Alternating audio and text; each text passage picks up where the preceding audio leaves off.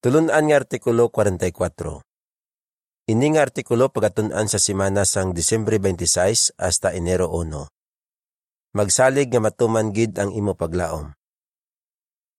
Teksto nga ginbasiyan sining artikulo. Ikaw ang akon paglaom o soberanong Ginoong Jehova. Salmo 71:5. Ambahanon 144.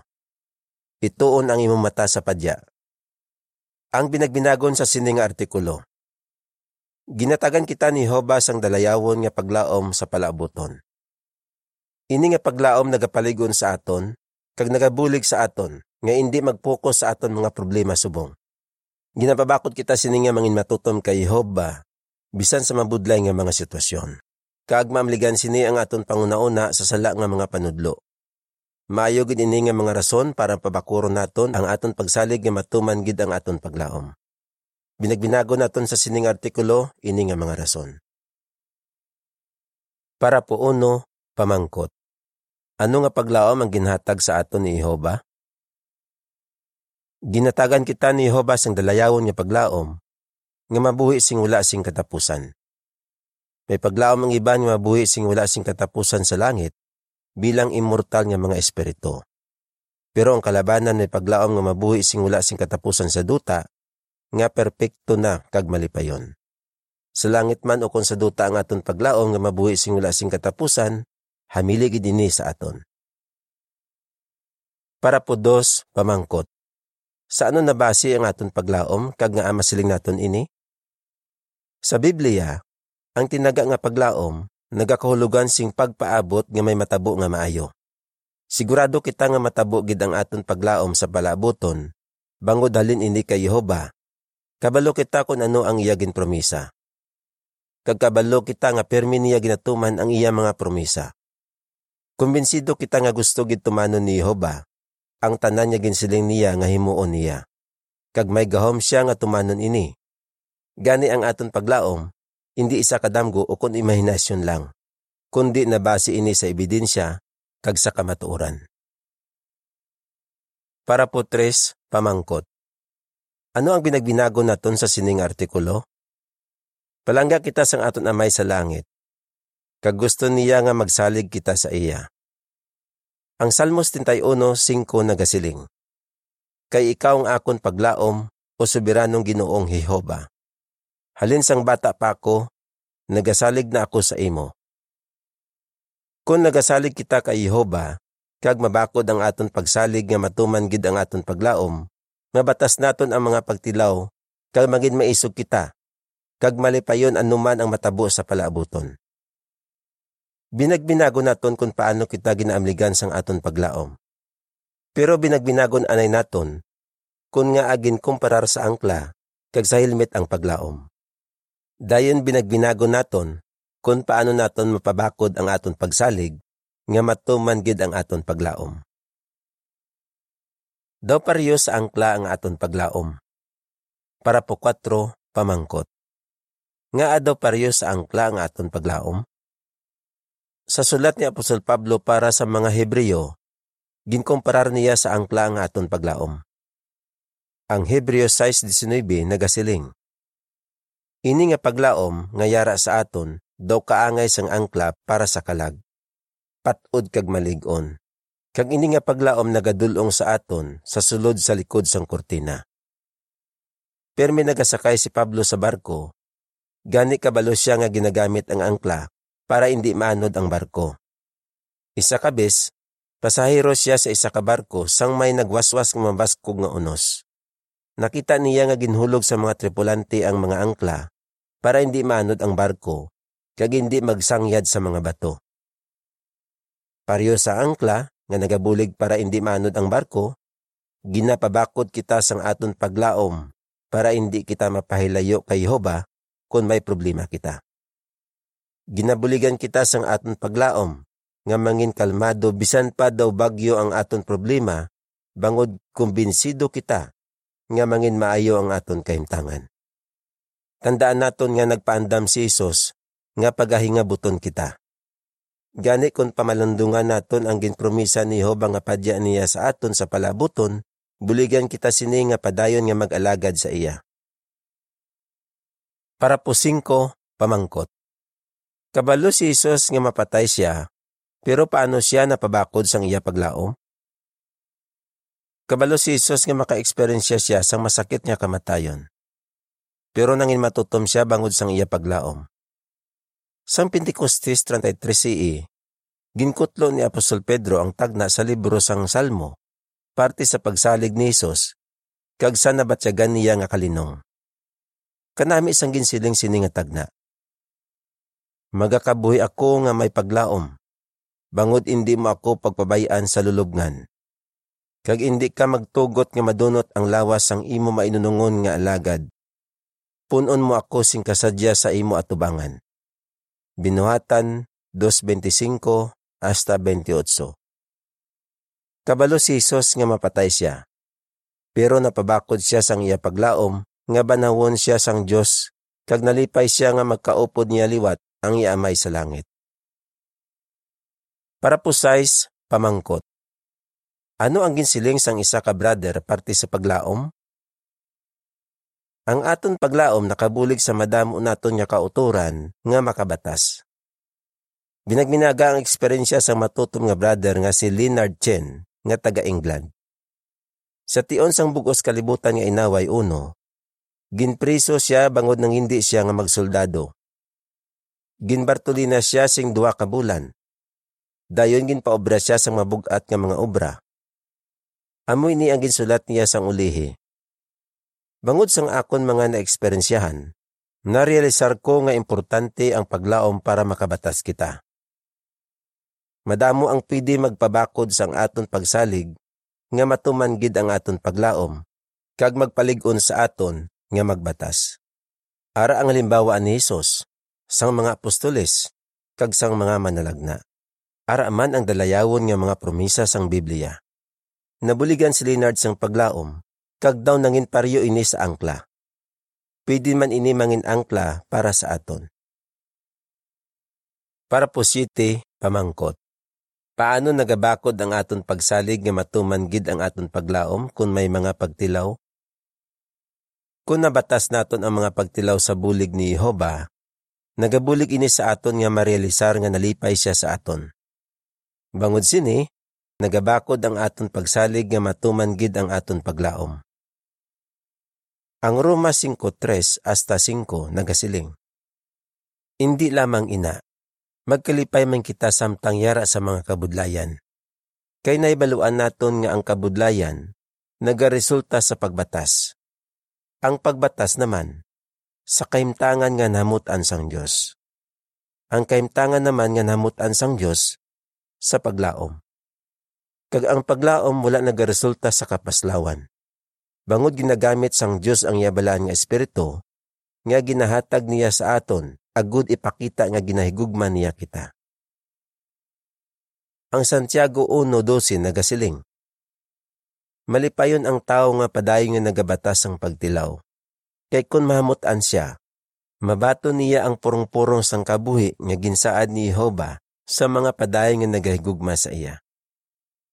Gani mas mabakod ini subong kung ikumparar sa tion niya ginbato naton ang maing balita. Kung may mga pagtilaw, gusto ni Satanas nga maluyahan kita.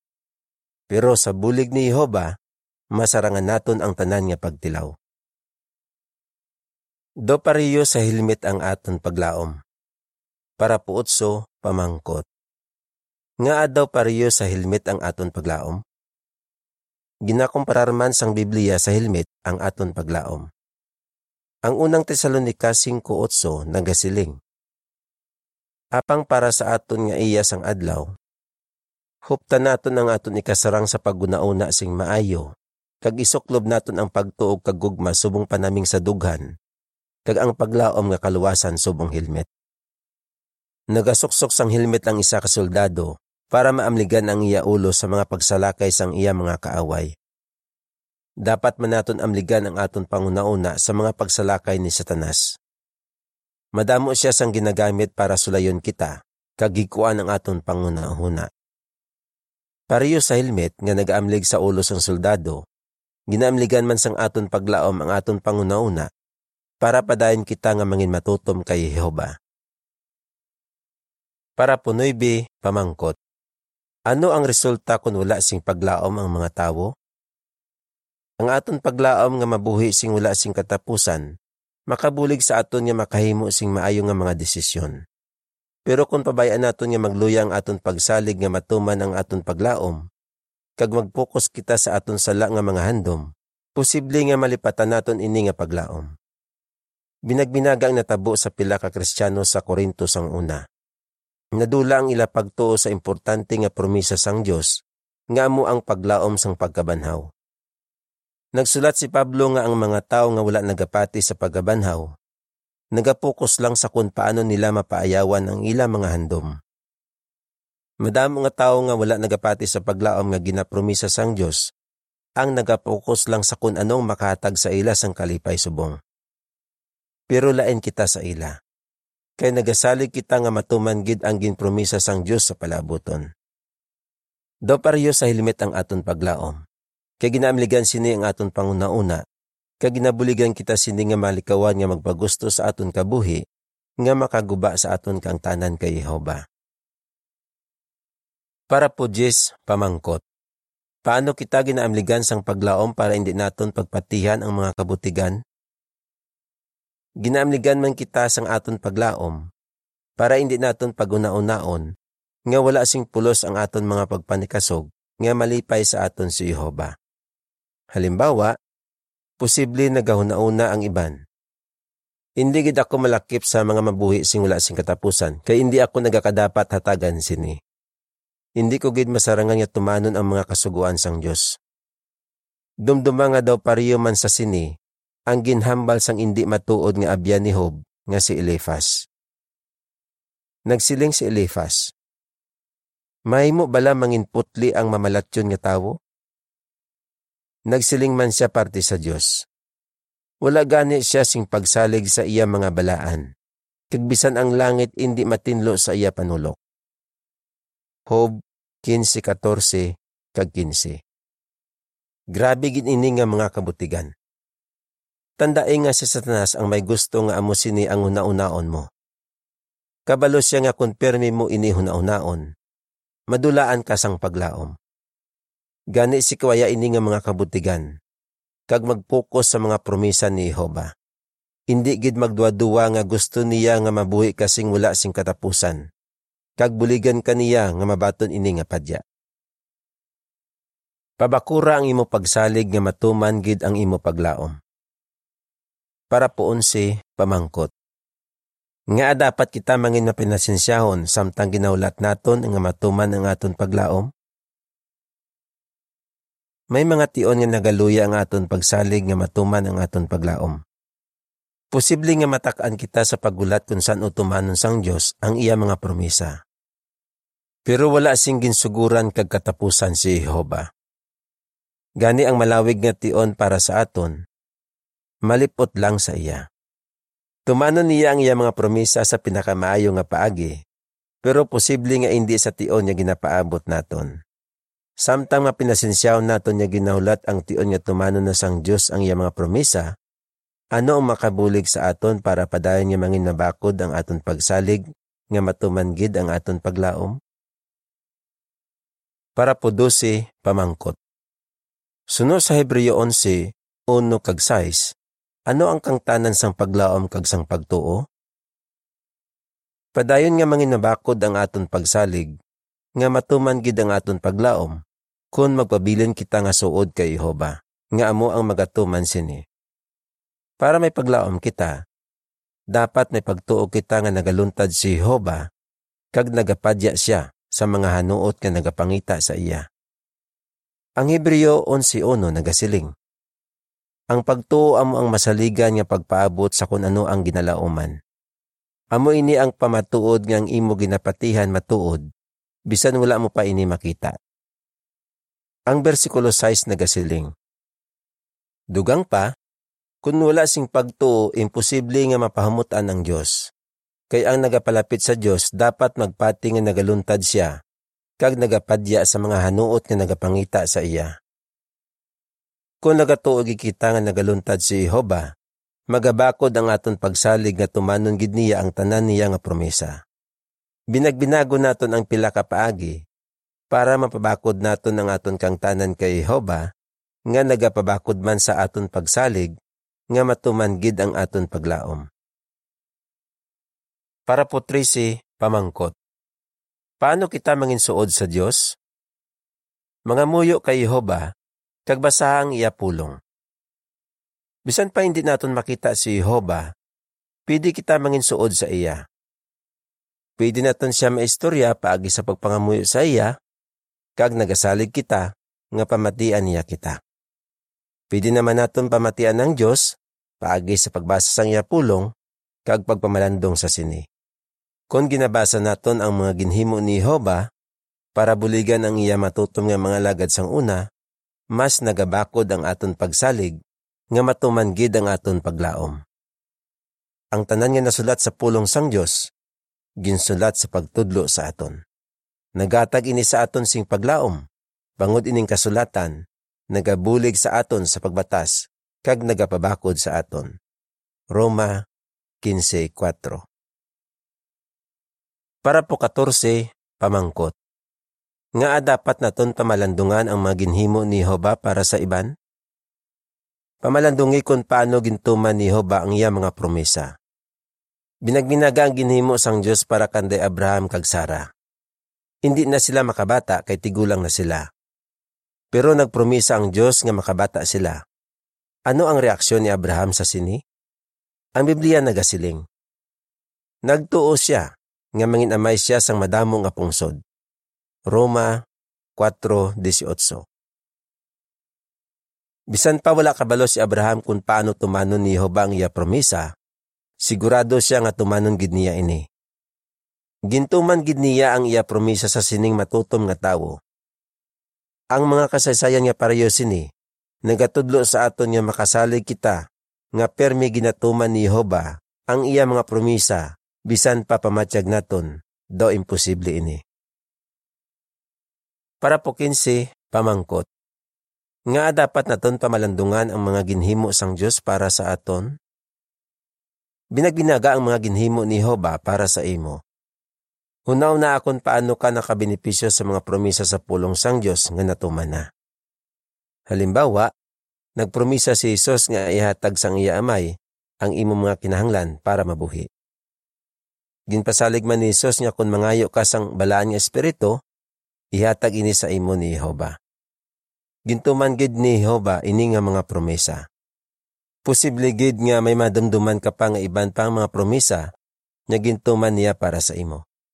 Halimbawa, nagapromisa siya nga patawaron kaniya, paampawan kaniya, kag ihatag niya ang imo mga kinanglan para magpabilin ka nga suod sa iya. Kon pamalandungan mo ang mga nahimo na sang Dios para sa imo, magabakod ang imo pagsalig nga tuman niya ang imo paglaom sa palaabuton. Ari ang patag sa mga picture nga gingamit para sa parapo 13 hasta 15. Pariyo sa helmet nga nagaamlig sa ulo sang soldado, kag sa angkla nga nagabulig para hindi manod ang barko, ang aton paglaom nagaamlig sa aton panguna-una, kag nagapabakod sa aton kung ginatilawan kita. Nagapangamuyo ang isa ka sister, kag nagasalig siya nga ginapamatian siya ni Jehova. Ginapamalandungan sang isa ka brother kung paano gintuman sang Dios ang iya mga ginpromisa kay Abraham. Ginapamalandungan sang isa pa ka brother kung paano siya ginpakamayo. Ang caption sini nga mga picture nagasiling. Padayon nga mangin nabakod ang aton pagsalig nga matuman gid ang aton paglaom pagi sa pagpangamuyo kag pagpamalandong. Magkasadya kamo tungod sa inyo paglaom. Para po 16 pamangkot. Nga hamiligid nga regalo ang paglaom? Hamiligid nga regalo sang Dios ang aton paglaom nga mabuhi sing wala sing katapusan. Ginapaabot nato ng isa ka matahom nga palabuton, kag sigurado kita nga matabogid ini. Ini nga paglaom daw pariyo sa angkla. Kay ginapabakod kita sini para mabatas naton ang mga pagtilaw. Masarangan ang mga pagingabot kag hindi mahadlok bisan sa kamatayon. Do pareho ini sa helmet, kay ginaimligan sini ang aton pangunauna, para masikway naton ang sala kag mahimo naton ang gusto. Ang aton paglaom nga nabase sa Biblia nagabulig sa aton nga mangin suod pagid sa Dios. Kag nagapamatod ini nga palangga gid niya kita.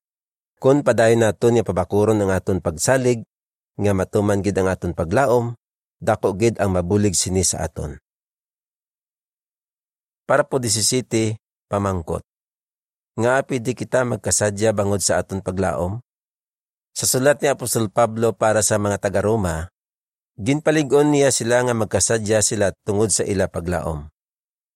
Roma 12.12 Nagkasadya si Pablo bangod sigurado siya, nya kon magpabilin siya nga matutom, mabuhi siya sing wala sing katapusan sa langit. Pwede man kita magkasadya sa aton paglaom, bangod sigurado kita nga tumanon ni Jehova ang iya mga promisa. Ang salmista nagsulat, Malipayon ang tao nga ang iya paglaom yara kay Jehova nga iya Diyos. Ang isa nga permi matutom. Salmo 146, 5 kag 6. Ano ang imo sabat? Nga ama kasalig kita nga matuman gid ang aton paglaom? Nga adaw pareho sa angkla kag sa helmet ang aton paglaom? Ano ang makabulig sa aton para padayon nga mangin nabakod ang aton pagsalig nga matuman gid ang aton paglaom? Ambahanon 139. Handurawa nga bag-o na ang tanan. Diri natapos ang artikulo.